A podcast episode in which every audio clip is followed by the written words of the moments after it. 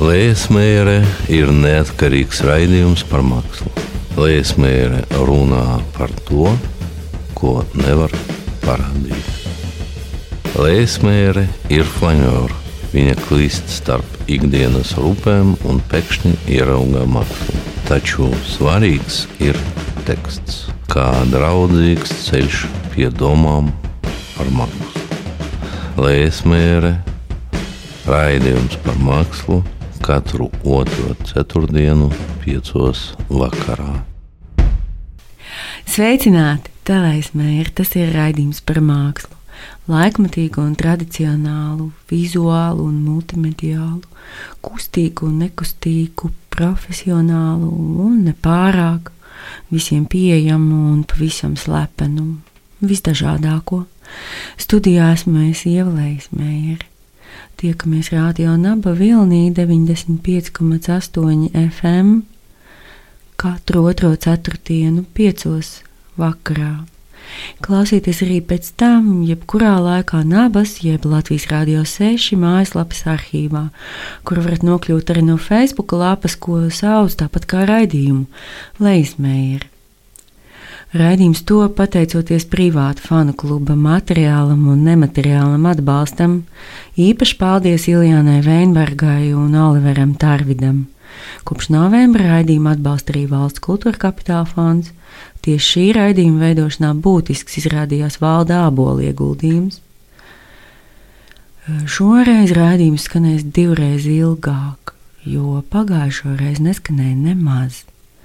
Un pārunāsim šoreiz par divām tēmām - pārsteidzošo un negaidīto dažādu glezniecību saturu un atšķirīgām, proti, pētīgām un priecīgām, pieejām fotovēstures pētniecībā. Nu, jūs zināt, mākslas darbu saturs ir aptuveni tas, ko iegūstam atbildot uz jautājumu, par ko tur ir. Nu, nav pats veiklākais jautājums, tomēr tā apmēram iznāk. Nu, tur var būt par visu kaut ko. Piemēram, pagājušajā raidījumā skatījāmies Rasas Jansons personāla izstādi Marka Ratko mākslas centrā Daugavpilī, un varētu teikt, ka Rasas gleznas ir par to, cik dīvaini sanāk, ka no nejaušiem dokumentāliem attēliem vai kaut kur nolūkotām situācijām veidojas monumentalizēti, ekspresīvi, figurālu gleznu sižeti un varoņi, un skatītāja prātā, piemēram, ainiņa ar jaunlaulāto pāri piknikā, pārplūst ar kaut ko nepārprotami dramatisku, nu, teiksim, asinīm kaut kādām, un blakus otra glezna, kur nekāda pārīša vairs, nu, vai vēl nav. Briedis no piknika ainas guļ zemē, un viņu naski plosi meistarīgi uzgleznots Latvijas dzinējs. Tātad šai otrā gleznā skatītājs tiek nogādāts nojausmās un pārdomās, gluži tālās no suņiem un briežiem. Atcerieties, vēl tur bija instalācija, veltījums vecmāmiņai, kuru autori tā īsti nemaz neatceras. Par šo visu atkal padomāju citā izstādē. Nacionālajā Mākslas muzejā, 4. stāvā izstāžu zālēs, un tas ir tur, kur var staigāt pa to caurspīdīgo stikla pārsegumu, ir apskatām Jāņa Morovska personāla izstāde. Arī kaut kādā ziņā veltījums autora vectētiņam, nu, vai iespaidam no senas fotografijas, kurā redzams vectētiņš. Jānis Morovskis raksta, ka izstāde ir, citēju, par vectēvu, kur nesmu redzējis, bet šķiet, ka sajūtu. Bijis brīvdomātājs, arī romantiķis. Viņam paticis vētras laikā stāvēt jūras krastā un dziedāt. Paticis mācīties valodas, audzējis vīnogus un potējis ābeles. Viss gandrīz kā man, citāta beigas. Par 20. gadsimta sākumā, precīzāk starpkara laika fotografijām šajā radījumā iznāks parunāt arī drusku vēlāk, sakrā ar uh, brīnišķīgiem fotoalbumiem, bet lūk, Jānis Marovskis savās gleznieciskajās meditatīvajās sietspiedēs nonāk pavisam citādos sižetos, Tie ir tādi kā screenshoti no kādām autora mentālā televizora pārraidēm. Manuprāt, šo darbu uztverē pat nākt par labu nelasīt tekstus ar poētiskām atsaucēm uz visādu dabas norišu vērojumiem, bet skatīties uz tiem un tajos iekšā pilnīgi bez asociācijām un visām tām straumēm un lapotnēm. Bet turpat muzejā vēl stāvu augstāk, jau tā teiksmainajā kupola zālē izstādīts tiešām lielas, tiešām teiksmainas, pavisam jaunas aizariņas gleznas. Izstādes nosaukums ir Mosties, mosties reiz svabadais gars. Elita Ansona izstādes anotācijā raksta, ka izstādes galvenā ideja ir radīšana ar lieliem burtiem. Mm -hmm. Tās tēlu sistēmu veido mītiskas būtnes, arhitektiski varoņi, kādi darbojas mitoloģijā un folklorā. Mitoloģijā aizsariņas mākslā jau kopš 20. gadsimta 80. gadu vidus bija avots, kur alegorijās balstīt konceptuālus manifestus, adresētus mūsdienu sabiedrības morālo, ētisko, politisko, ideālu izaicināšanai. Šo izstādi iedvesmojuši divi teksti - Somu tautas epos Kalevala un senislandiešu mitoloģisko un poētisko tekstu kopojums Eddas dziesmas. No šīs izstādes samūs tiešām ļoti, kamēr prātā pārtrauks šaudīties neskaidri apsvērumi un varēšu kaut ko puslīdz noformulēt, lūk, vēl ieskats anotācijā. Tehnoloģija laikmetā, kas attīstās neticami ātri, mainās cilvēku savstarpējā miedarbība, sabiedrības funkcionēšanas nosacījumi kļuvuši sarežģīti, cilvēku ietekmes uz dabu, oi, piedošana, cilvēku ietekme uz dabu arvien lielāka, un kompleksajā pasaules struktūrā atbildību par biosfēru izšķiroši ietekmē cilvēka gara izaugsme Tādēļ izstādes moto ir Eduarda Veidenbauma dzējas rinda Mosties, mosties reizes svabatais gars, ko mākslinieci jau izmanto 2002. gadā konceptuālā teksta gleznojumā. Tagad viņa atkal atgriežas pie gara aktivitātes, modināšanas idejas un aicinājumu uz pilsonisko vērtību, pārmaiņu nepieciešamību šodien. Tā domā Elita Ansone bet es uzmanīgi aplūkojot milzīgās, meistarīgās, superprofesionālās un tiešām lieliski izstādītās gleznas, domāju, cik gan interesanti. Māksliniece ir nenoliedzami jaudīga. Viss, katra līnija, katra forma un katra krāsu un to attiecību izvēle veidotu jaunu, oriģinālu saturu pašas par sevi.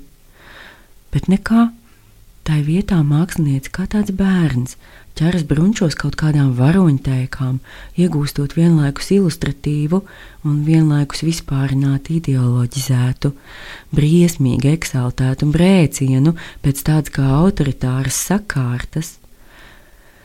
Ziniet, es nopietni iebilstu pret ideju, ka manu vai jebkura cita cilvēka garu modinās visādi pārdabiski onkuļi, vienalga no cik seniem literatūras un kultūras vēsturē nozīmīgiem pieminekļiem vai vispār jebkāda cita piedāvājuma. Šķiet, tieši aizsariņas izstādes iespējā ļoti sadomājos par mākslas darbu saturu un visādi ar šo saistītu interesantu problemātiku un saistībā ar šīm pārdomām piedāvāja ieskatu divu ļoti atšķirīgu mākslinieku darbos un uzskatos.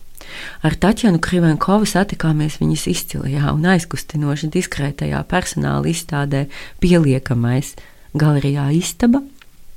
Sarunājāmies pie galda ar apgleznotiem porcelāna traukiem, bet, ziniet, tos aplūkojot, turklāt svarīgi tos aplūkot no visām pusēm, arī no augšas un apakšas, ir pilnīgi skaidrs, ka atrodos lieliskā glezniecības izstādē, kur no Ivara Runkovska aizgūtais jēdziens domformas atkal ļoti noder.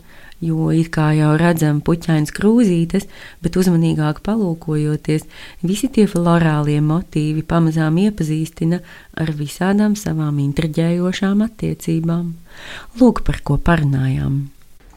Mani interesē um, eh, saturs um, tādiem glezniecības darbiem šajā izstādē, kur mēs redzam apgleznotus traukus ar florāliem, visādiem motīviem, tā mēs varētu teikt.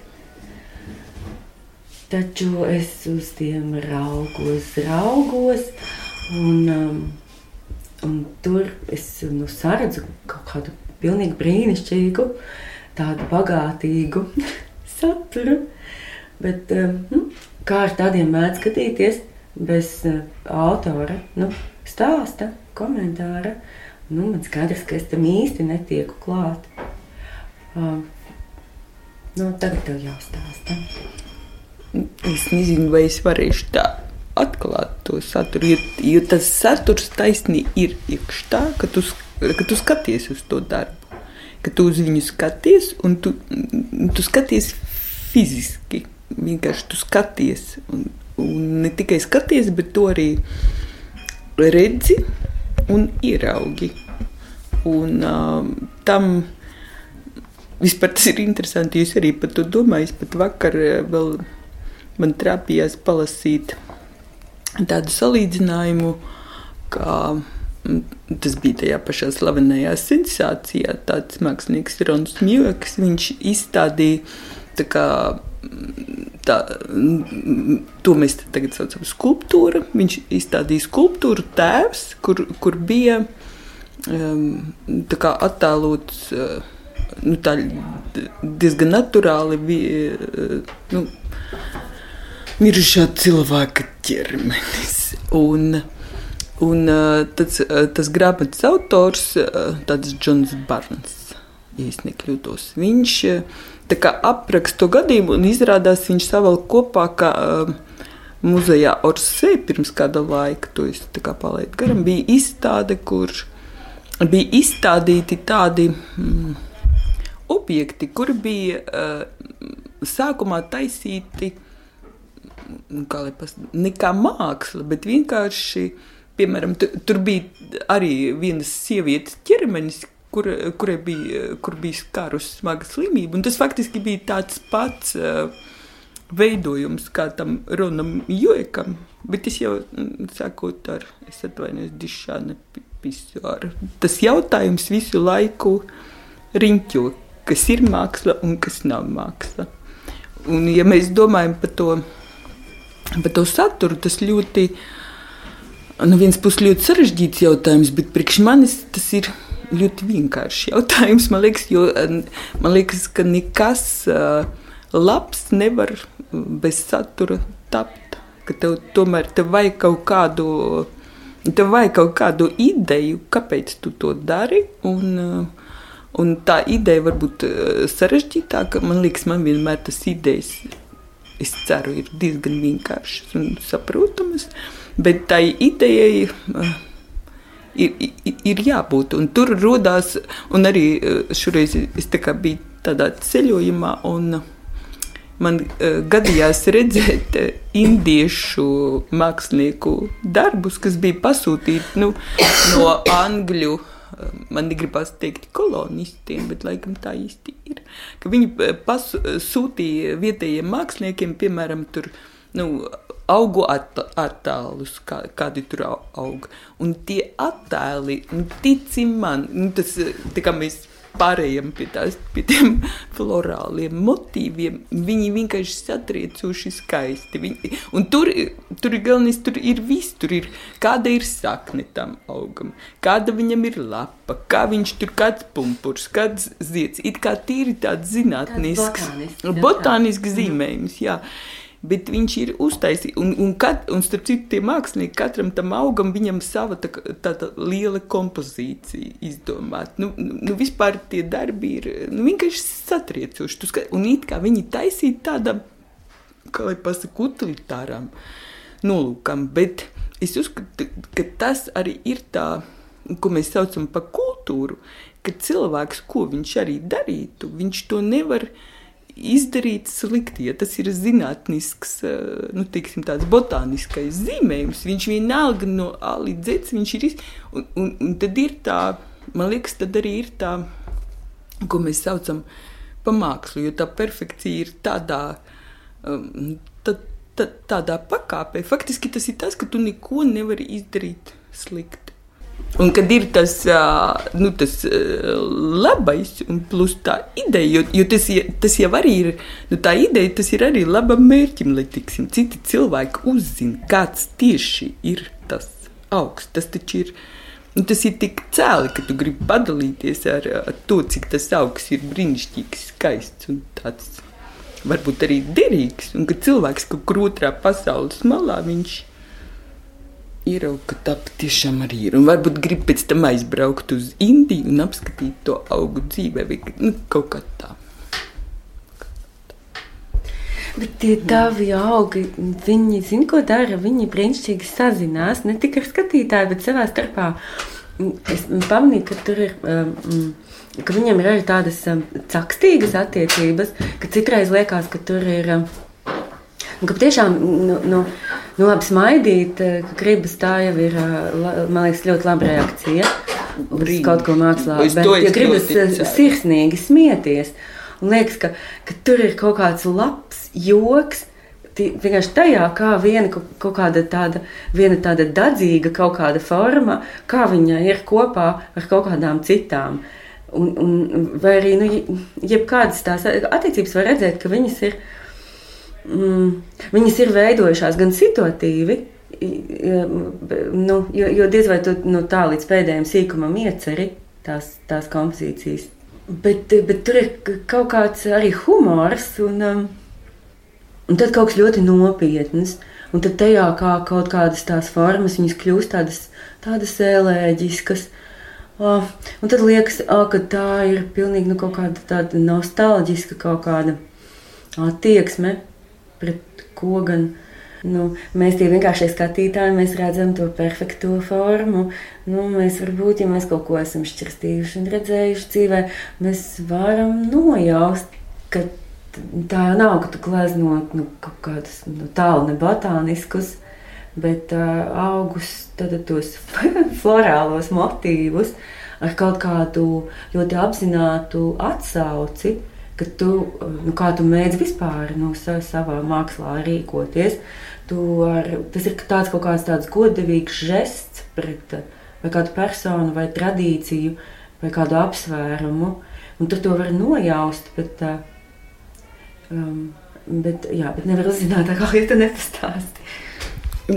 Nu, es ļoti priecīga par to humoru, ka tu, tu to mani, jo es, protams, es domāju, ja nu kāds cilvēks to teiksim, lieto, man gribētos, lai tur būtu arī kaut kāds elements jautrības, kurš, protams, arī dzīvē pa, pa, pastāv. Un mm, es, es izstāstīšu tīri tehniski, kā es kā atgriezos pie tās porcelāna apgleznošanas, jo es vienkārši mm, vienu dienu, es to pat atceros, es sāku pētīt savas kolēģis um, no Pēterburgas, jo tā kā es Pēterburgā strādāju, esmu man daudz grāmatas no, no kolēģiem tādas Tatjanas Afanasjevas darbus. Un es skatos uz, uz tiem porcelāna apgleznojumiem, ko mēs parasti uzskatām, tad, tad tas arī ir tāds jūtīgs apzīmējums liet, lietišķā māksla.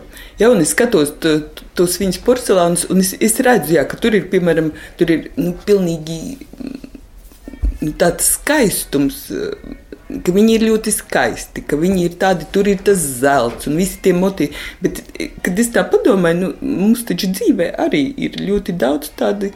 Tiešām skaisti brīži, un, un vai tad no tā vajadzētu kaunēties? Un es sāku domāt, un, un es vienkārši domāju, nu, kur ir tā maģija, ka es, piemēram, es skatos uz tiem uh, viņas traukiem, nu pat at, attēliem. Ja, ja tu paņem rokā tādu trauku, tu vispār esi. Pavisam citā kaut, kaut kādā. Tu, tu pilnīgi jūties sav, savādāk. Ja? Bet es skatos pat grāmatā, tā maģija tevi tā kā pārņem. Un es vienkārši, nu, kā tu vari saprast, es, es ņemu savu, savā blūciņā un mēģinu tā kā nu, pārkopēt, lai, lai, lai saprastu to bildi. Un es saku, un tad es ņemu vienu otru no, no tiem autoriem, nu, kas man tiešām ļoti, ļoti, sa, ļoti saista. Un tad man sakrājās tie, tie zīmējumi, un man vienkārši iepriekšēji izstādēja veltījums slaveniem gleznotājiem. Man vajadzēja apgleznot Kazimira Maļeviča teikanu.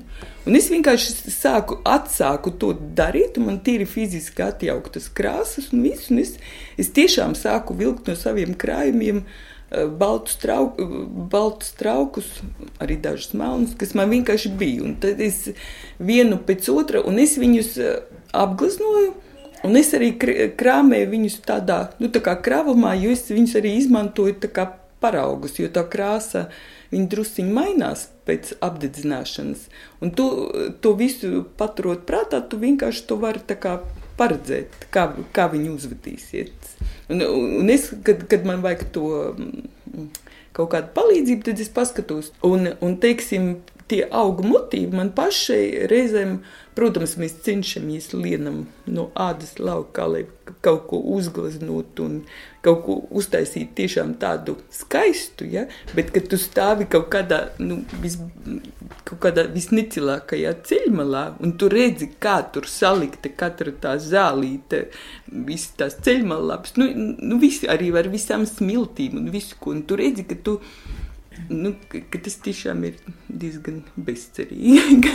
Kaut gan citiem autoriem, tagad man arī tas ceļojums nāk prātā, jo es redzēju ļoti tādu interesantu. Vienas ģimenes izstādi, kur kolekcionēja itāļu mākslu, tur varēja ļoti tā tuvu aps, apskatīt, un pat, man liekas, bez tiem aizsargstikliem, pat tur bija tādi franģeliko maziņš darbiņš, piemēram, vai tie itāļi, kuri tiešām tik ar tādu, un, un kad tu skaties, un tu saproti, nu, ka tie itāļi, viņi tiešām viņi vienkārši tā kā noglezno. viņi, un, un, un tur arī eh, rodās, man liekas, tas saturs, pa, pa ko tu prasīji. Tas saturs tā ir kaut kāda, eh, man liekas, toleranci pret dzīvi, vai ieraudzīt to, ka ir ļoti dažādas parādības, un viņas visas kaut kā tomēr var sadzīvot, jo mums tomēr kaut kā jāeksistē šajā pasaulē. Un tā, un, un man liekas, ka tas palīdz, ka tev kā, nu, tas dod kaut kādu atbalstu uh, tai dzīvē. Tā harmonija, kuru tu Faktiski ideāli, protams, ja mēs visu laiku esam kaut kādā harmonijā. Tas ir tas saturs. Tas bija ieskats sarunā ar Tatjanu Krivenkovu viņas personāla izstādē Galerijā Istaba. Savukārt otra saruna ar Kasparu Brambergu notika viņa darbnīcā, kur jau kādu laiciņu ceturtdienās mākslinieks gaida viesus un labprāt iepazīstina ar saviem gluži abstraktajiem darbiem, kurus tikpat labi var saukt par gleznām vai par instalācijām, bet tas viss šoreiz nebūs būtiski. Būtiski likās paraudzīties, kas var sanākt no sarunas par darbiem, kuru autors kareivīgi iebilst pret jebkādu iepriekš iecerētu saturu mākslas darbos. Sākumā pret to izturējos kā pret tik ļoti populāro mākslinieku greizsirdību un bailēm, kas mēdz izpausties bravūrīgā pozā, kas noliedz visas tās A4 lapas un jebkādus verbālus mēģinājumus domāt par viņu darbiem, nu vairāk un mazāk publiski. Tā arī nespēja iztēloties, kā notiek tā slavenā neverbālā mākslas darbu iedarbība kad citēju, tu vienkārši jūti, tas skatītājs jūt vai nejūt to darbu. Bet, nu labi, lūk, ieskats sarunā ar Kasparu Brambergu par viņa jaunākajiem darbiem. Ceru, ka kaut kur tur parādīsies arī saturs. Un ceru, ka kaut kad šie darbi no mākslinieka studijas nokļūs atkal kādā piemērotā vietā, kur tos varēs apskatīt arī tā sauktā plašākā publika. Lai gan, ziniet, kopš strādāju ar mākslu nesaistītu pilna laika darbu, lai piepildītu ģimenes budžetu, aizvien labāk iztēlojos, kāda piepūle un visādu resursu menedžments nepieciešams, lai tā sauktie vienkāršie cilvēki vispār atcerētos, ka tāda māksla vispār ir. un ka tās dažādais saturs var pēkšņi piedāvāt ko gluži negaidītu, kādas interesantas jaunas attiecības ar darbu autoru, ar kaut ko vai kādu citu, vai skatītājiem pašam ar sevi. Bet atgriežamies pie sarunas ar Kasparu Brāmbergu. Oi! Jā, neapgāz.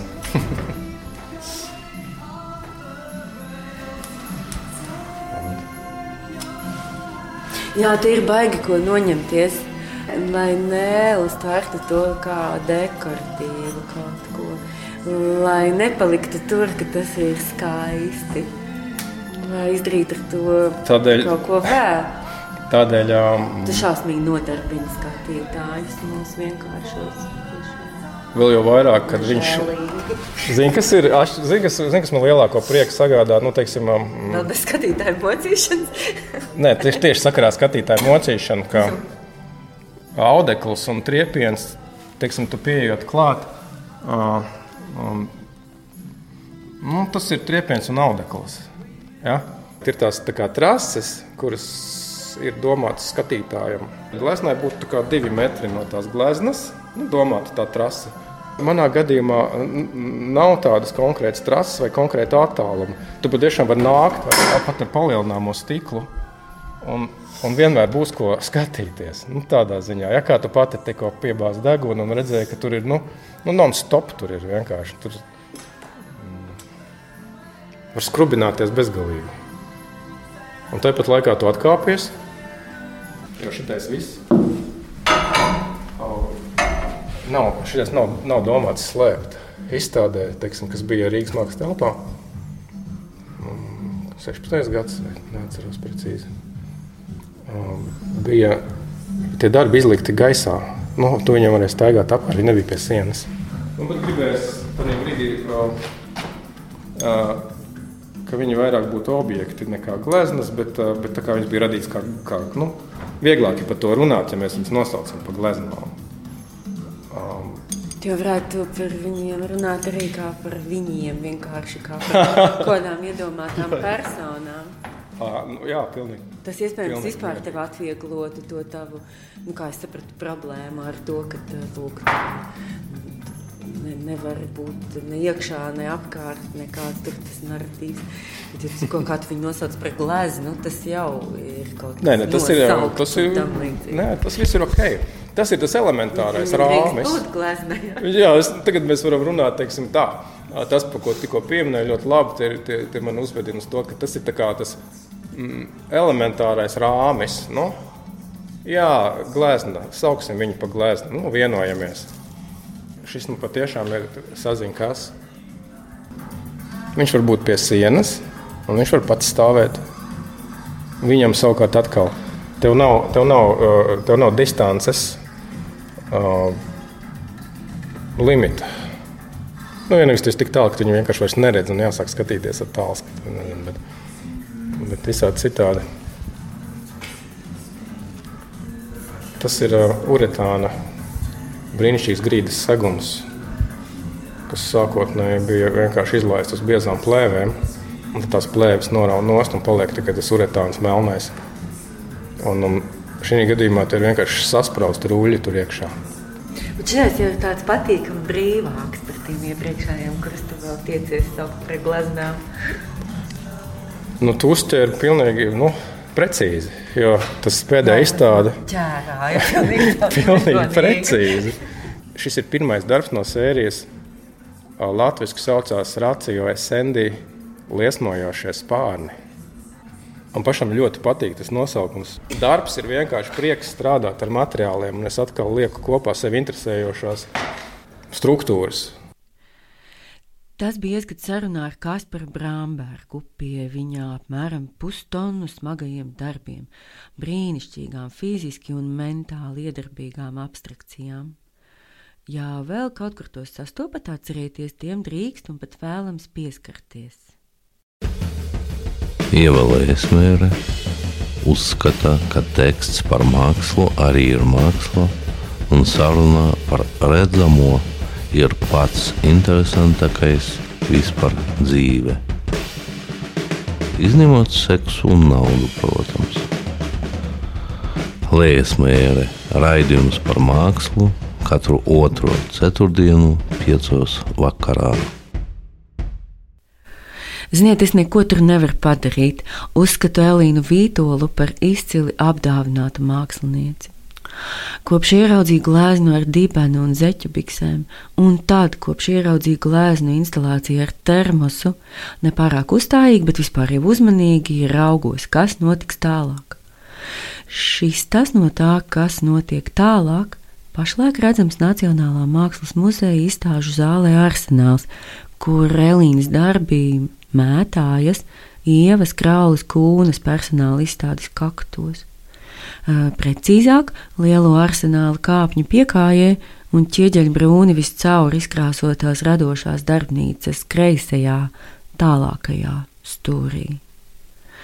Paliekot pie iepriekš minētās gleznu spējas, runāt pašām par sevi, un, protams, arī pie tā, ka viņām ir pašām sava dzīve, ieraugām gluži saļimušas gleznas, no kurām vispār sašūti maisveidīgi personāži ar kaut ko līdzīgu kājām, visādām ķeskām vai astēm. Kā vēsta nostāsti, kas klīst pa arsenālu. Iekšā maisos esot arī bumbas, bet tās neviens tā īsti nesot redzējis. Vēl maisu pavērtajos rāvēslēdzējos vīda apdrukāti auduma gabali, kuru saturu ļoti kārojās izlasīt. Izrādījās tā ir vēstule no kaimiņienes, kur bez visa kā cita, no kā var noprast, ka izstāde muzejā tad nu beidzot noslēdz šaubu un cerību pilno autoras ceļu pie īsta mākslinieka statusa, rakstīts uh, vēl arī lūk, kas. Citēju. Brīdī, kad jūs šo lasāt, jums ir paveicies, jo jūs esat atradis vienu no pieciem glezna cilvēkiem. Vai tā tos var saukt? Elīna par viņiem visiem parūpējusies, uzgleznojusi viņiem raibs mētelīšus, lai nesastingst pret muzeja vēsajām plaknēm. Vai jums gribas ieraudzīt, kas uz mētelīšiem attēlots? Es jums palīdzēšu. Dariet tā, nesasprindziniet acis un necentieties vienkārši blēnst tā tēlā, bet mēģiniet to caurskatīt. Pamanīsiet, ka skatienam nedaudz zūd fokus. Tas ir normāli. Nepadodieties un turpiniet vērot, Pamanīsiet savā acu priekšā dažādu veidu makaronus, taurinīšus, krāsainus burtiņus, kliemzīšus, spagetti, virpulīšus. Un tad tie pēkšņi sāk plūst un griezties un pārvērsties par kājām, tievām, garām, šķībām, resnām līkām, un tām kājās visām ir kurpītes ar smailiem un, un jāpaļotiem purniņiem. Vai es atkal pieļauju kļūdu? Mēģinot saskatīt abstrakcionismā ko konkrētu, vai tā ir izplatīta glezniecības un sadzīves problēma? Tā raksta Elīnas Vītolas kaimiņiene, beigās nepārprotami pamādam mākslinieces maģistra darba nosaukumam. Bet Dievas kraules kūnas izstāde Hoda Babas brīnišķīgā veidā izkūpināja no galvas aiz zariņas izstādes cepienu un gruzonu. Biju iedomājusies te jums lasīt priekšā ievas dzējoli par babām un onkuļiem, bet nelasīšu. Ja to nevar nolasīt autors rudajā balsī, tad nav ko. Tik tā par šāmanismu mūsdienu Latvijas mākslā, bet nu šķiet, ka raidījums ir pusē, un puse ir tur, kur ir te magnetika fields dziesma.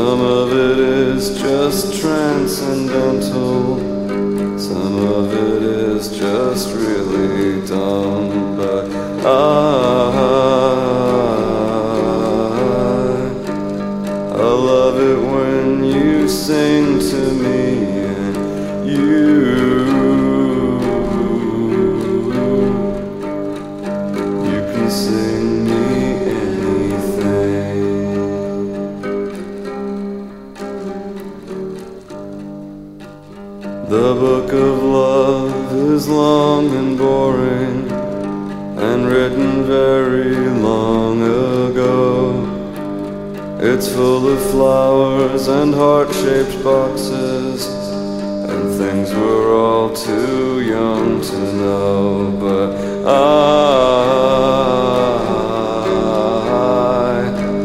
I love it when you give me things and.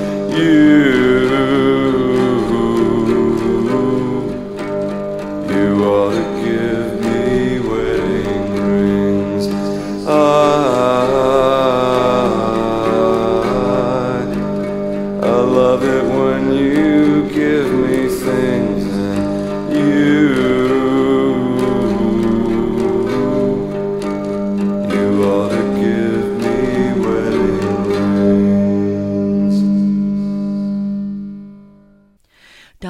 grupa The Magnetic Fields.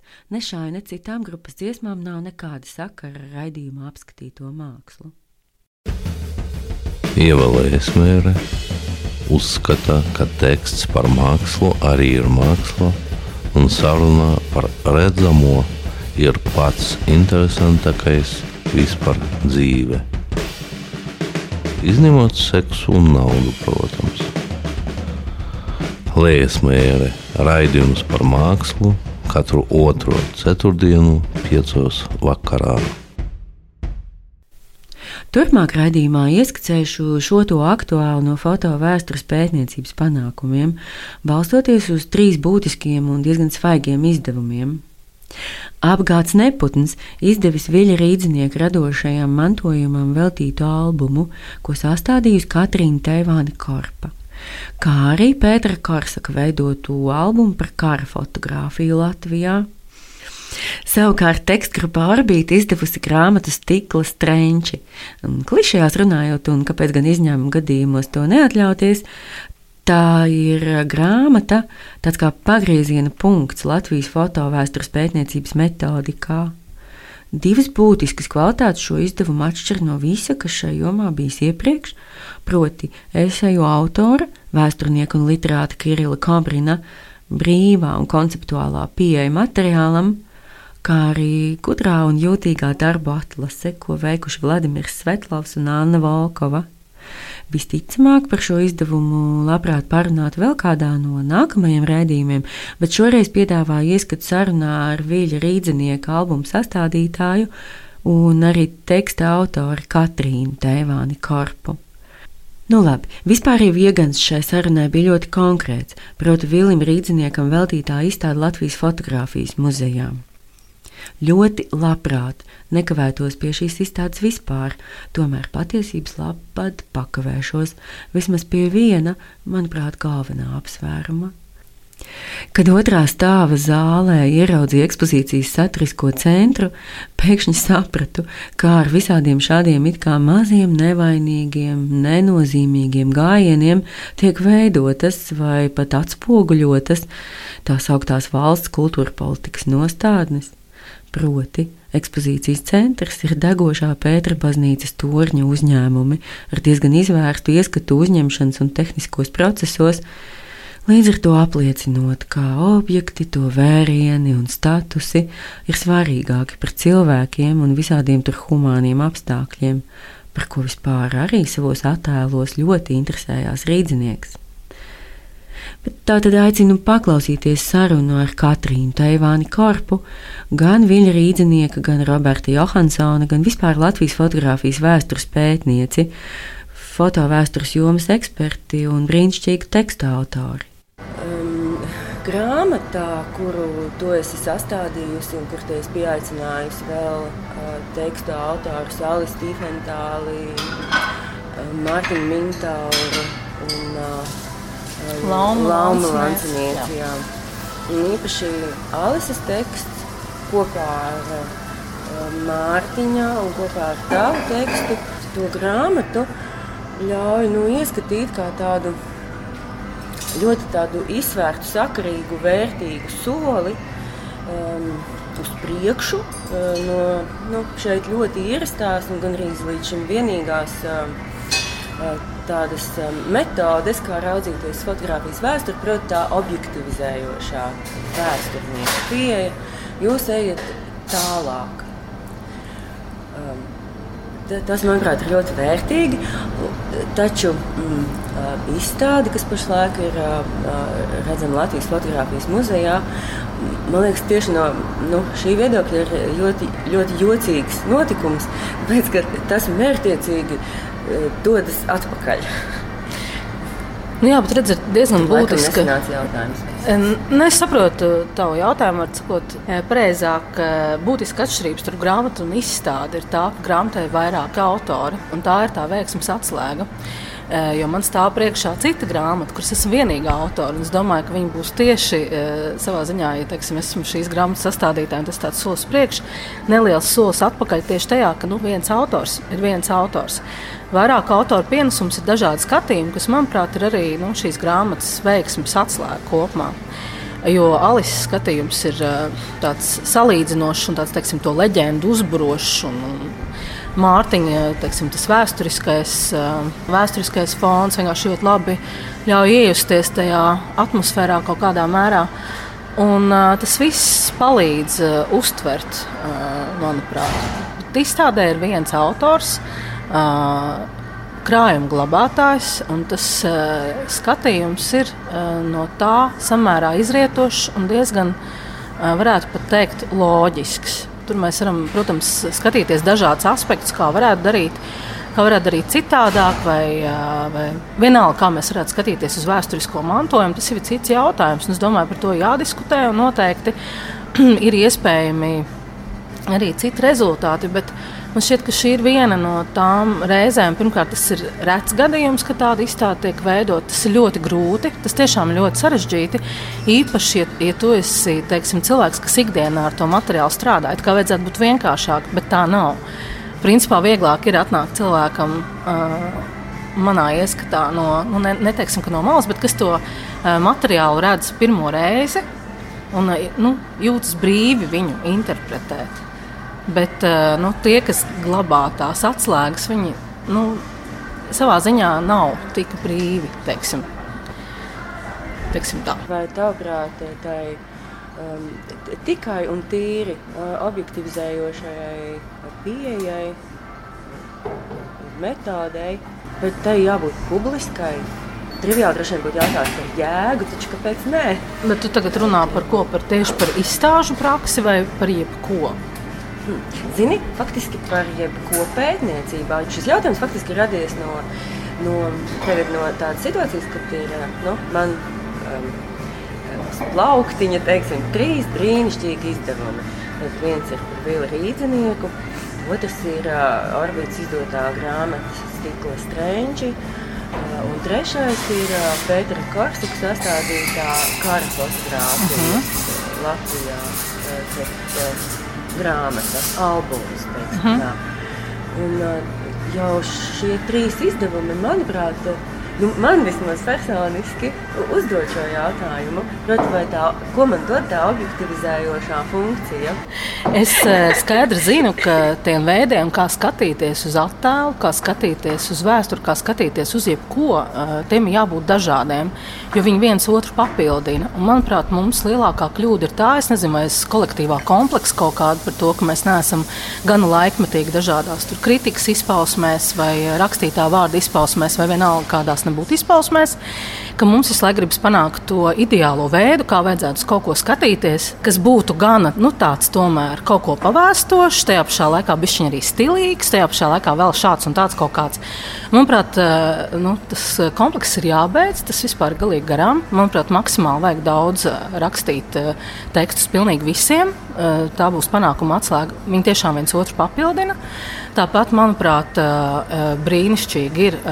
Es esmu sajūsmā par orbītu un stikla strenčiem, jo beidzot kāds strādā ar to vēsturisko materiālu no tāda aspekta, kā viņi interpretē, parāda savā veidā, ne tikai tajā pētnieciskajā aspektā, kas ir bijis parasti. Manuprāt, tas ir labs sākums. Manuprāt, tā attīstība notiek, un tevs trīs pieminētie izdevumi man šķiet, ka tieši parāda to, ka tā kustība ir iespējama, tas citādākais skatījums ir iespējams tieši ar to, ka viņi ir dažādi. Jo vēsturnieks mierīgi var skatīties uz to tikai un vienīgi no vēsturiskā aspekta. Pētniekam tiešām ir super interesanti saprast. Uh, Kā tajā laikā uz to skatījās? Man, piemēram, uh, samērā Interesanti šķiet, kā tie paši fotografi, kas strādāja toreiz, ko viņi domāja, nevis ko mēs tagad domājam, skatoties no šejienes. Jo viņi pilnīgi noteikti nesaprata, ko viņi tajā brīdī domāja. Viņi dzīvoja tajā pagātnē, kur bija tādas un tādas klišejas. Tur patriarch, patriarchāls skatiens uz blā, blā kaut ko. Nu, tā bija, jā, tā bija. Bet, manuprāt, nu, ar to tas e, ir interesanti. Un to ir forši arī apspēlēt nu, ar šodienas skatījumu, atsakoties no tā skatījumu objektivizējošam. Man liekas, tam visam jāiet roku rokā. Man eh, tagad ienāca prātā, ka viņam pašam ir bijusi arī sava darba, tā diezgan skaidra hierarhija. Un ka viņš eh, tieši to, kas no nu, tev kā pētniecei um, ir līdzies pats interesantākais, proti, tie dokumentālie, nu, tādi kā reportāžas stila uzņēmumi. Uh, tos viņš ir vērtējis viszemāk, bet uh, jautājums ir ar vēl vienu piebildi. Um, manuprāt, tas uzzīmē tādu kaut kādu dīvainu inerci, jo es zinu, ka ļoti līdzīga attieksme pret savu daļradu kopumā ir arī autoriem joprojām. Es nu, varu konkrēti atsaukties piemēram uz nu, Latvijas fotomākslas patriārhu Gunāru Bindi. Uh, ku, ar kuru ir tieši tāpat, kurš to savu tādu nu, manā ieskatā salonisko un manierīgo inscenēto fotografiju ieskata par mākslu. Bet uh, es zinu, ka nu, ne tikai es, bet uh, vēl, vēl citi cilvēki. Uh, uzzinot par to, no kā vēl interesanti sastāv viņa daļrada kopumā, viņu uzskats par to, kas ir vērtīgākais tajā veidojas gluži cits. Un man liekas, ka šis uzzīmē tādu dīvainu ainu par to, nu, par to nozari. Bet vai tas ir tikai Latvijā tāds kaut kāds komplekss, atkal kaut kāds? Vai, es, vai ne, es vai? nedomāju, ka tas pat ir komplekss. Es domāju, ka tas ir. Um, Nē, nu, komplekss varbūt arī jā, tas kopumā ir arī kaut kas cits. Jo es absolūti varu iztēloties. Nav tā, ka es gluži nevarētu teikt, ka rīznieka sakrā, un tas nebija tikai rīznieks, tāpat arī eh, mans mīļākais Johansons un laika biedri vai ne. Eh, viņu. Tas jau nav tā, ka viņi vērtē to zemāk. Viņi vienkārši skaidri apzinājās, eh, kas tas ir, ko viņi dara. Viņš nofotografē, tas ir būtiski. Viņi nenoliedzami uzskatīja, ka tas ir svarīgi.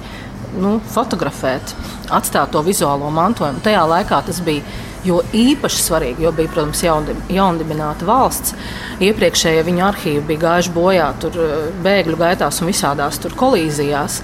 Tas bija super svarīgi. Viņi to nevērtēja zem, bet viņi skaidri apzinājās, ka viņi ar to teiksim, nevar izcelties tādā, lai demonstrētu savu meistarību. Teiksim, varbūt reportāžu kā meistarība vai kaut kas tur īstā mirkļa noķeršana. Viņiem nu, nešķita tas tik. Uh, savā ziņā ar ko pierādīt savu uh, totālo varēšanu šajā jomā.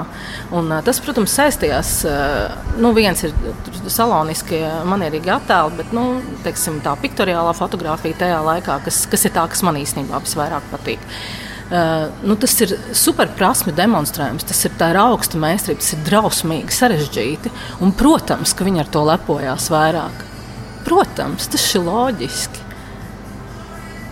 Un, manuprāt, visas tās bildes ir foršas. Iespējams, ka mēs pat eh, šodien, eh, vai es kā pētnieks, tā kā tas mantojums ir tik daudzveidīgs un tik superdažāds un tik ļoti kontrastējošs, ļoti iespējams, ka uh, mēs paši to hierarhiju kaut kā pat uh, skaidrāk uh, iezīmējam.